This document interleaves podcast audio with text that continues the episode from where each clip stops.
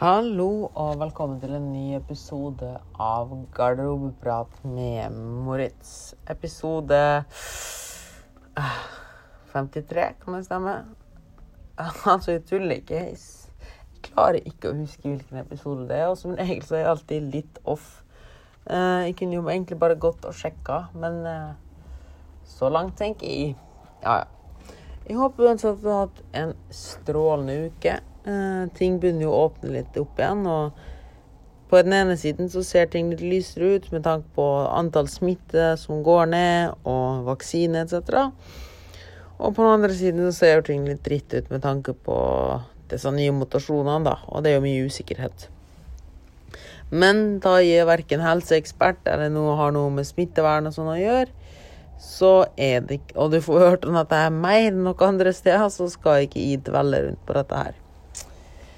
Jeg skal da heller snakke om dagens tema, som er Er du for streng med deg sjøl? Og hvordan det å bruke mat som en følelsesregulering kan skyte deg ekstra mye i foten, da. Eller egentlig generelt hvordan det å være for perfeksjonistisk da, kan ikke bare ha ringvirkninger på maten, men generelt din mentale tilstand, da. Uh, og det handler jo aller først om dette om å være altfor perfeksjonistisk. At man skal unne seg minst mulig, og alt spesielt da at det skal være minst mulig unødvendige ting i kostholdet. da. Sånn spesielt hvis du skal ned i vekt, da. Eller bare generelt hvis du skal spise sunt. At man skal ha minst mulig kos da, og minst mulig i anførselen unødvendig mat. All mat man spiser skal liksom ha en hensikt og skal være næringsrik og bla, bla, bla. Og i og for seg så er jo dette her riktig og godt er det. Eh, jeg er jo veldig glad i 80-20-regelen, eh, som består av at 80% av det du spiser, bør gå til å gi kroppen det den trenger av næringsstoff, vitaminer, mineraler og sånne ting. Eh, og 20% av det du spiser, bør gå til det hodet trenger, det mentale, altså litt sånn kosemat og sånn. Og jeg synes jeg har funnet at det er en veldig, veldig fin balanse. Balansegang for folk flest, da. Uff, da beklager at jeg eh, gjesper, men jeg fikk sola rett inn i fjeset her. Så det ble sånn der skikkelig sånn ah, Gjespestemning. Yes. Uansett. Det kan bli litt eh, Så ja, 80-20-regelen, og at man faktisk unner seg litt, i anførselstegn, unødvendige ting.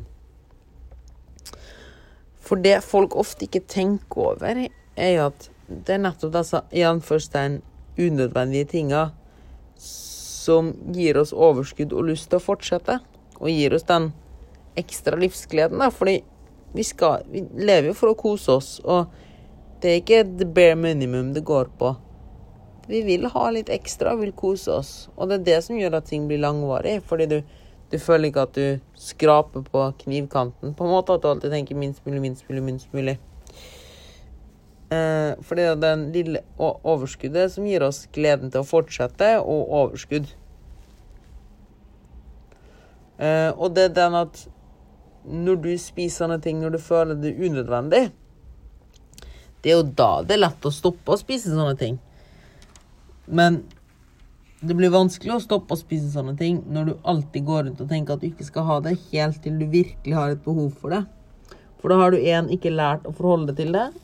To, det er så lenge siden sist at du ikke vet Eller det er så lenge siden sist at du må ha så mye for å bli fornøyd.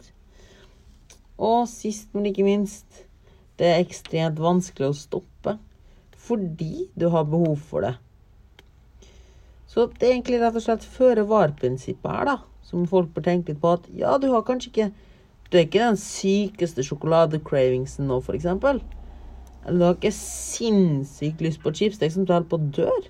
Men det er kanskje nettopp da du bør ha litt chips hvis du er litt fysen på chips. For da er litt chips nok. For hvis du tenker sånn her, da, og alltid er litt føre var, så vil du mest sannsynligvis aldri få den her syke behovet for enorme mengder chips for å så binge på chips. Og så ende opp med latterlig dårlig samvittighet etterpå. Og så ikke spise chips igjen på tre uker, for å så fråtse i chips igjen. Eller sette inn hvilken som helst annen matvare eller drikkevare. Uh, Så her er det veldig viktig at du tenker føre var i stedet for å tenke minst mulig. Har du et lite behov, så dekk det lille behovet. Ikke dem din, for det blir et sånn stort behov. Ikke bare fordi kalorimengden sannsynligvis blir enormt stor, men også for den mentale følelsen med at liksom, ah, shit, de tapte alt og ødelagte alt og skjøt meg selv i foten, versus oi, shit, det gikk jo helt fint å ta litt mat. Og nok her mye av den her sukkeravhengigheten eller godtesjuka kommer fra. Den kommer etter at folk er ekstremt strenge med seg sjøl og demmer opp for alle så små behov. Helt til det kommer et stort behov, og det er en salg på den sjokoladeplaten. Og når den da først står på bordet, og alle så her behovene som du har demt opp, plutselig kommer ramlende over det, ja, da skjønner jeg at det virker nesten umulig å si nei til den sjokoladeplaten. Men hvis du derimot har vært flink til å lytte til kroppen din, slappa av, senka skuldrene og tatt litt godteri eller nei-mat eller fy-mat eller det du har lyst på da, i ny og ne, så vil du ikke få dette overveldende behovet. Fordi du ikke har demt opp. Så når du da åpner for demninga, da, så er det ikke så mye vann som skal ut. Og ikke minst så vet du, kan du også da tenke at ja, men vi kan ta litt i morgen òg. Det går helt fint. Uh, og så Der har jeg jo allerede snakka om veldig mye tidligere episoder. Men i denne episoden her tenkte jeg å ta det et steg videre. Og det er litt det med mat- og trøstespising, eller stresspising og stresslindring og slike ting. For det er ikke å stikke under en stol at veldig mange bruker mat som en måte å søke trøst, eller en måte å stre lindre stress på og slike ting. Og det er nok dessverre mer vanlig enn folk tror.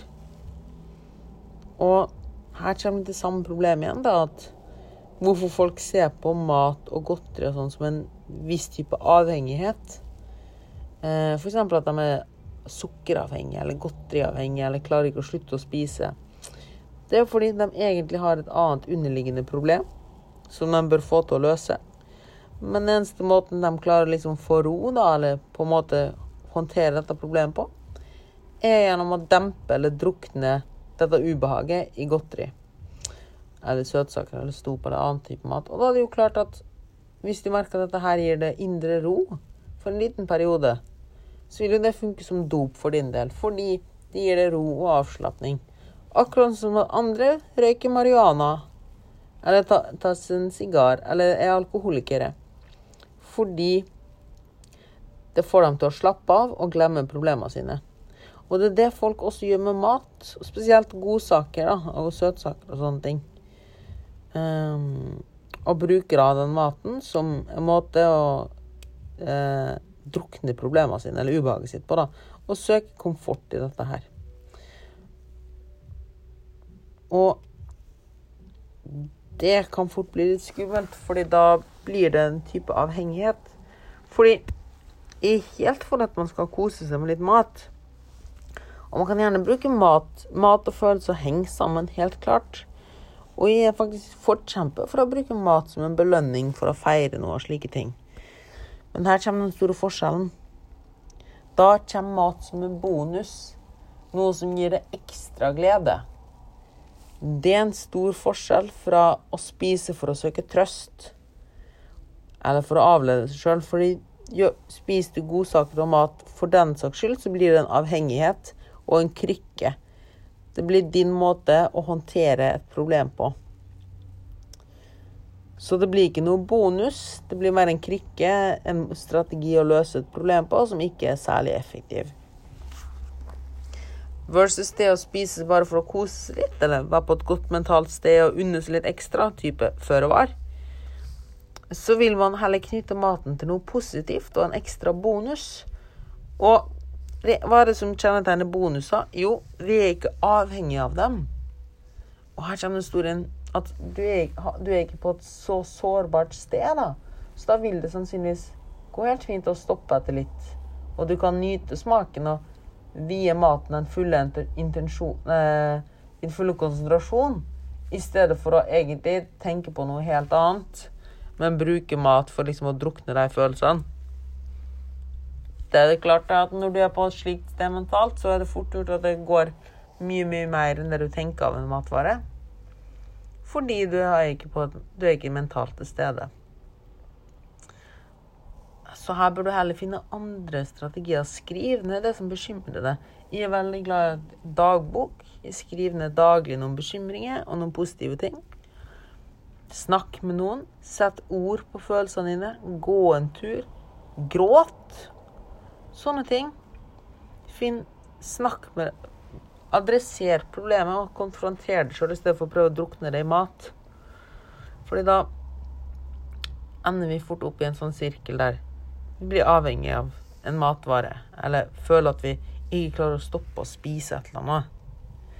Um, og for å snevre det inn igjen på den Det er litt Alt dette her går litt opp, opp i hverandre. da, fordi det er nettopp det at når du setter lista så høyt at alt skal være perfekt, så er du veldig sårbar. Det er veldig lite som skal til. Én, du er ganske tens fordi alt skal være perfekt. ikke sant? Så når ting ikke er perfekt, så får du en dårlig følelse, skamfølelse, skyldfølelse. Og hvordan håndterer du slike følelser? Med mat. Som igjen resulterer i at du fråtser og får enda dårligere samvittighet fordi du har lagt lista så høyt. Og hvordan håndterer du det? Jo, med mat. For så å stramme inn igjen for en liten periode, enda, legge lista enda høyere. For å føle deg drit og sliten, og så kanskje falle av, føle deg mislykka. Og hvordan regulerer dette her? Jo, med mat. Så det blir jo en sånn ond sirkel med binge and restrict, som du sikkert ser. Og det som er litt dumt, er jo at vi mennesker elsker jo å ha rett. Så der har vi ringvirkninger. Så hvis du legger lista altfor høyt da, på f.eks. trening eller mat eller andre ting i livet Det kan være alt egentlig for å jobbe, uansett hva det er. Så, og så misliker du. Så føler du deg mislykka. Og når du allerede føler deg mislykka, så vil du gjerne bekrefte dette her for deg sjøl. Hvordan gjør du det? Jo, ved å bryte de andre reglene dine. Så hvis du har en dårlig dag på jobben, da, eller har gjort en dårlig ting på jobben, og du føler litt shit, så vil du mest sannsynligvis også spise det du mener er ulovlig. Ikke bare for å søke trøst, men også på en viss grad bekrefte for deg sjøl at se her, du er en svak, dårlig person. Som gjør oss enda dårligere sjølbilde. Og som gjør at vi assosierer slik mat med noe negativt og noe dårlig og med svakhet. At vi er svake. Og slik kan vi ikke assosiere mat med. Og ikke for å gjøre vondt enda verre, da, så vil altså det å, å ha denne assosiasjonen med at jeg kan kun spise sånn mat når jeg føler meg drit, også gjør til at vi nesten leter litt etter unnskyldninger for å føle oss drit. Fordi da vet vi at det er et smutthull for å spise mat vi egentlig ikke har lov til å spise. da. Så vi vil faktisk også begynne å leite etter unnskyldninger for å føle oss drit, slik at vi kan unne oss mer dritmat. Så faktisk kan i verste fall dette her føre til at du leiter etter årsaker for å ha en dårlig dag. For det er at du kunne unne deg den maten du ellers ikke unner deg sjøl. Så hva om vi heller setter lista litt lavere? Hva er det som skjer da? Hva om vi spiser føre var? Om vi nyter mat når vi har litt lyst på den, i stedet for å tenke nei, det er unødvendig?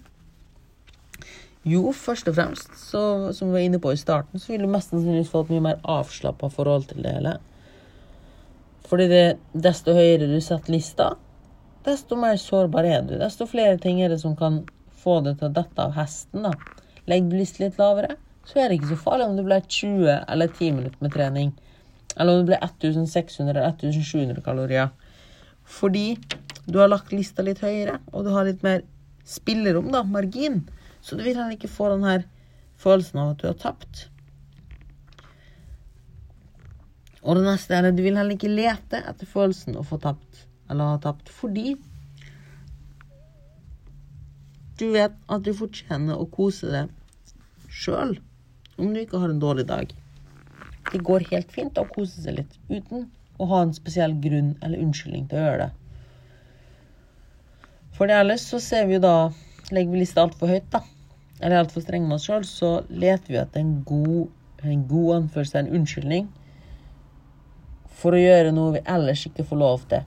Det var jo ikke min feil, jeg hadde jo ellers aldri gjort sånn her, men fordi det var Fordi jeg følte meg så dårlig. Fordi det og det skjedde, så kan jeg Nei, du trenger ikke det som unnskyldning. Du kan faktisk bare si spiser denne sjokoladen nå fordi jeg har lyst på den'.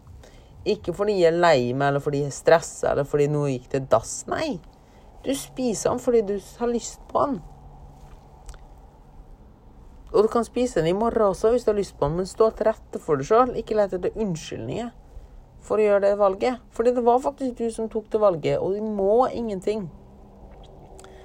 Det vil ha så mange negative ringvirkninger å begynne å tenke slik på mat at du må ha en unnskyldning for å kose deg eller ha noe. Um, for du må faktisk ikke det. Så jeg ville helt til slutt komme med noen veldig praktiske tips som du kan ta med deg.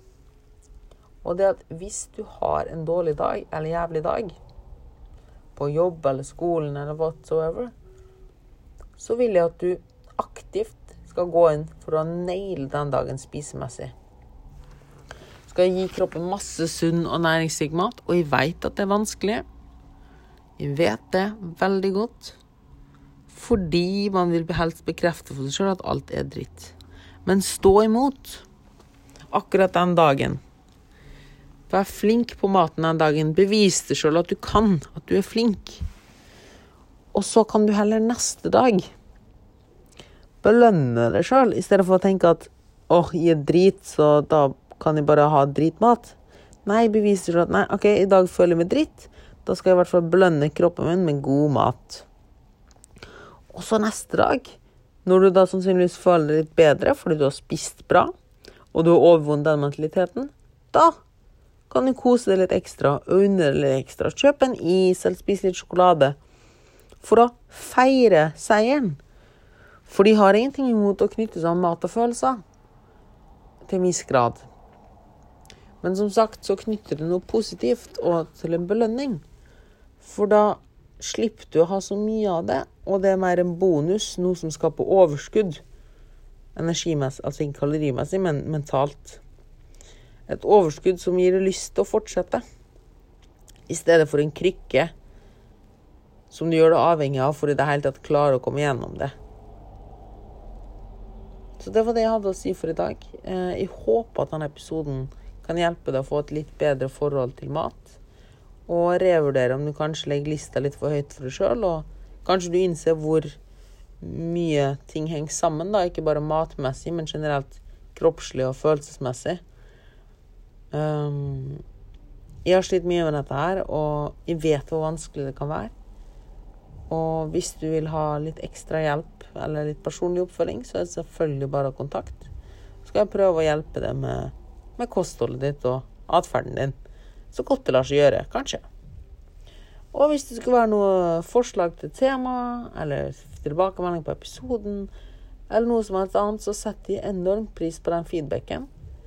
Um, og det eneste jeg står igjen med å si, da, er del episoden, herregud. Ja, på Instagram helst. I storyen din.